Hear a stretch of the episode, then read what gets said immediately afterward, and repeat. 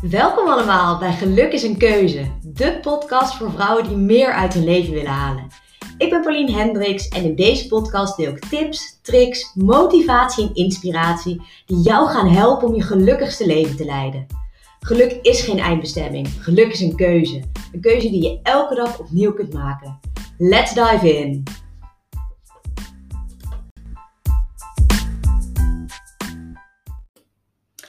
Hallo, hallo. Welkom bij de tweede aflevering van Geluk is een keuze. Leuk dat je weer luistert.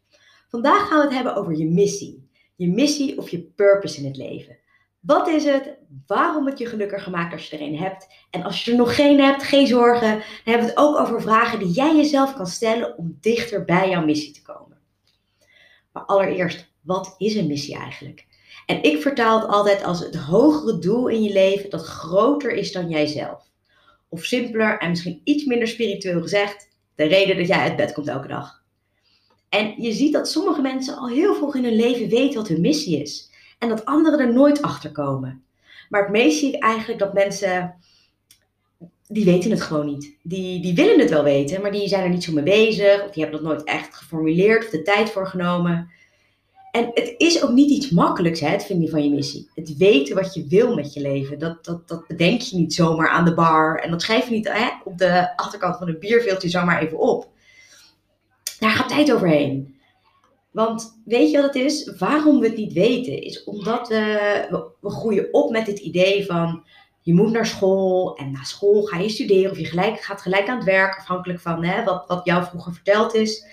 En dan moet je maar opeens weten wat je wil doen. En ik weet nog dat ik in de derde klas zat en een profiel moest kiezen en ik had echt geen flauw idee. Nou, mijn vader die had rechten gestudeerd, mijn moeder archeologie. En ik wist, gebaseerd op totaal niks, dat ik dat sowieso niet wilde. Nou, dan ging ik kijken, waar ben ik nog goed in? Ik was in elk geval niet goed in natuurkunde, scheikunde, wiskunde. Dus voor mij vielen de beta-profielen af. Nou, dus toen ben ik voor het economieprofiel gegaan. Uh, hè, ik heb nou, zonder nadenken altijd dat pad ben ik blijven volgen. In de hoop dat ik daar ooit mijn passie of mijn missie in ging vinden. En dat ik dan wel zou weten wat ik daarmee ja, moest gaan doen. En dat is eigenlijk niet gebeurd. En wat ik bedoel is dat veel mensen echt even stil moeten staan en diep in zichzelf moeten kijken als ze hun missie willen vinden. Je moet je over nadenken, dit moet je voelen, je moet het opschrijven, weer voelen, veranderen. Het is een iteratief proces totdat je hem hebt. En, dan, en als je hem hebt, dan voel je hem ook, dan weet je dat ook. Want ik heb zelf nooit echt het idee gehad dat ik een missie had. En ik wist op het moment dat ik bij mijn vorige werkgever begon, dat was in 2012, ik was net afgestudeerd, ik wist wat mijn droombaan daar zou zijn. En ik heb heel hard gewerkt om daar te komen. En ik dacht dat dat mijn missie was, die baan bereiken. En toen ik die baan had, en dat gebeurde ook nog eerder dan ik had verwacht, en dat was superleuk, um, en dat was ook echt een leuke rol. Ik was er verantwoordelijk voor een gaaf marketingteam, waar we hele mooie dingen deden. Maar begon steeds aan me te knagen van, is marketing dan echt mijn roeping? Is dit dan waar ik al die jaren naartoe heb gewerkt? Het was meer een soort logisch voortvloeisel uit het feit dat ik ooit dat economieprofiel had gekozen. Nou, ik ben toen bedrijfskunde gaan studeren. Ik ben daar naar de marketingkant op gegaan. Dat is allemaal heel, een hele logische opbouw. Maar het waren nooit bewust bewuste keuze, als je snapt wat ik bedoel. En natuurlijk, ik koos ervoor om bedrijfskunde te gaan studeren. Ik koos ervoor om voor die corporate te gaan werken. En daarna die marketingkant op te gaan. Maar ik koos niet in lijn met mijn echte missie en mijn echte waarden. Ik wist helemaal niet dat het was. Ik kwam daar pas ja, in die laatste rol waar ik zo hard naartoe had gewerkt. Daar kwam ik er pas achter dat hetgene waar ik heel erg blij van word, is om andere vrouwen te helpen hun volle potentie te benutten. Hè, uh, hun helpen zien waartoe ze wel niet allemaal in staat zijn. En helpen die oh ja momenten te geven, die ze dan vastpakken en ermee aan de slag gaan. Ze zien groeien, ze beter zien worden, ze meer voldoening zien halen uit hun werk en hun leven. En daardoor een gelukkiger mens zijn. En ja, ik vind het zo tof om te zien hoe snel je positieve veranderingen in je leven kunt doorvoeren als je daarvoor open staat. En het hebben van een missie helpt je daarbij. Maar het is dan natuurlijk de vraag, hoe kom je achter je missie? Hè? Want vaak weet je wel graag waar je heen wilt. Je wilt die ene baan, zoals ik dat wilde. Of je wil veel geld verdienen. Je wilt een succesvol bedrijf opzetten. Je wil je ideale levenspartner vinden of een groter huis, you name it. Maar dat is geen missie. Het dient geen hoger doel buiten jezelf. Je helpt er anderen niet mee. Dus stel, hè, je hebt een eigen bedrijf en wil 100.000 euro per jaar omzetten. Is dat dan je missie? Of is het je missie om een goede oplossing te bieden aan een probleem van jouw klanten, waardoor je veel geld verdient?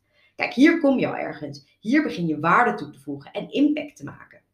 Dus weer terug naar het voorbeeld van mijn baan. Ik wilde die baan ooit omdat, meer, omdat ik meer geld zou verdienen. En het had meer status. En dat vond ik cool. Maar in die end haalde ik mijn voldoening daar niet uit. En maakte ik ook geen impact. Ik maakte impact doordat ik in die rol iets voor een ander kon betekenen. En daar haalde ik weer voldoening uit. En daar werd ik gelukkig van. In mijn ogen is het allermooiste als je ook nog eens een goede boterham kunt verdienen. Terwijl je bezig bent met het volbrengen van je missie. En uh, de Japanners die hebben daar een gave term voor bedacht en dat is Ikigai. En misschien heb je daar wel eens van gehoord. Je ziet ook dat steeds meer mensen daarmee aan de slag gaan. En grof vertaald betekent het iets als uh, datgene wat je leven waard maakt. Of de reden waarop je uit bed stapt elke ochtend. En Ikigai wordt afgebeeld als een soort Venn-diagram, zo'n cirkeldiagram. Uh, en het bestaat uit vier principes. Waar je van houdt, wat de wereld nodig heeft, waar je geld mee kunt verdienen en wat je goed kunt.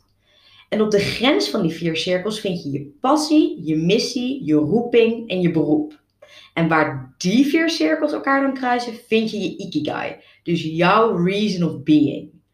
En ik vind deze Ikigai-oefening een effectieve en relatief makkelijke oefening om te beginnen met het vaststellen van je missie. En ik gebruik deze methode ook in mijn online cursus, omdat ik zie hoeveel waarde je eruit haalt. En een andere leuke oefening om je dichter bij je missie te komen, is het beantwoorden uh, van de vragen waar ik zo diep op inga. Ik was namelijk research aan het doen voor deze podcast. En ik kwam op de site van Mark Manson. En hij is de schrijver van het boek The Subtle Art of Not Giving a Fuck. Misschien ken je het wel of heb je het gelezen. En hij beschrijft het, het, hij beschrijft het hebben van een missie, in hele simpele taal, als een missie is belangrijk tijdsverdrijf. Oftewel, wat kan ik met mijn tijd doen wat belangrijk is? En hij heeft een aantal vragen waar je over na kunt denken als je je missie helder wilt krijgen. En ik zal er een aantal met je delen. Oké, de eerste. Wat maakt dat jij vergeet te poepen en plassen? En wat hij daarmee bedoelt is, in welke activiteiten ga jij zo op dat je helemaal de tijd vergeet? Dat je zo in de flow zit en niks meekrijgt van wat er om je heen gebeurt. Voor mij zou dat overigens niet poepen en plassen zijn, maar eten. Als ik vergeet te eten, dan zit ik wel echt heel lekker in iets. Maar ik vind dat gevoel wat je dan hebt, die flow waar je dan in zit, vind ik zo fijn. Dat je dan op je horloge kijkt en denkt, wow, het is al zo laat. En als je dit herkent, dan is dit omdat je iets met veel passie aan het doen bent. En dit zijn dan ook de activiteiten die je meer moet gaan doen, omdat je daar voldoening van krijgt. En voldoening brengt geluk. Oké, andere vraag. Hoe kun je jezelf beter voor schut zetten? Dat hoorde je goed. Jezelf expres voor lul zetten. Hoe kun je jezelf in de verlegenheid brengen? En wat mensen hiermee bedoelt, is dat wanneer je, wanneer je ergens heel goed in wil zijn, je eerst langs een punt komt waar je er nog geen bal van kan.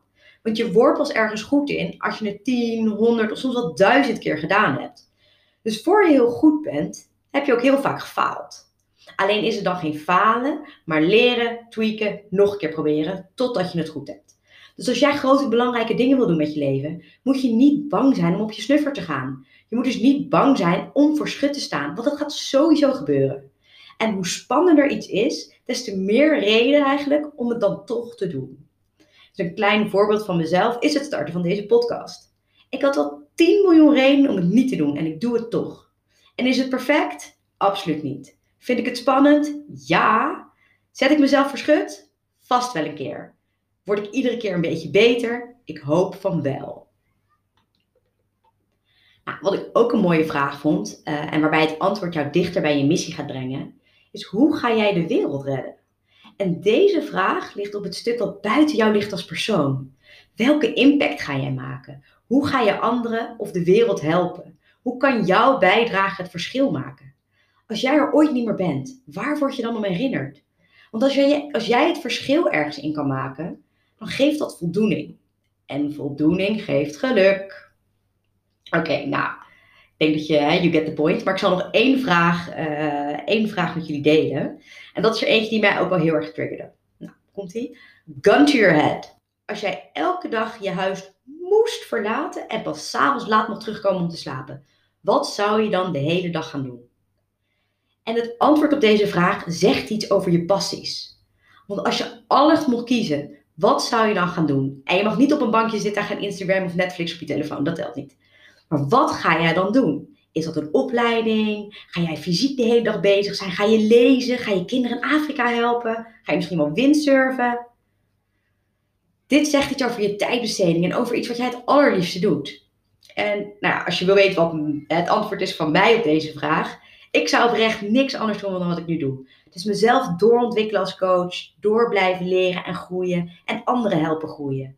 En mijn missie is dan ook om zoveel mogelijk vrouwen te helpen met het maken van keuzes waar zij het gelukkigst van worden. En die in lijn liggen met hun missie.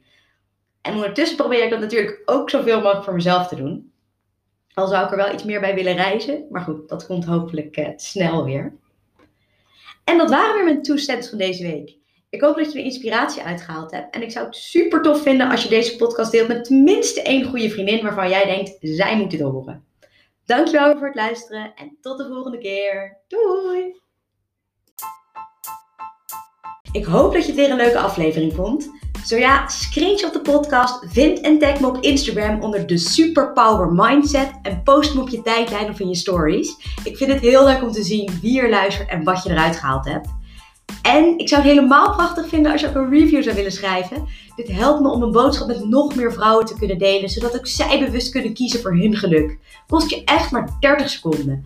Dankjewel voor het luisteren en tot de volgende keer.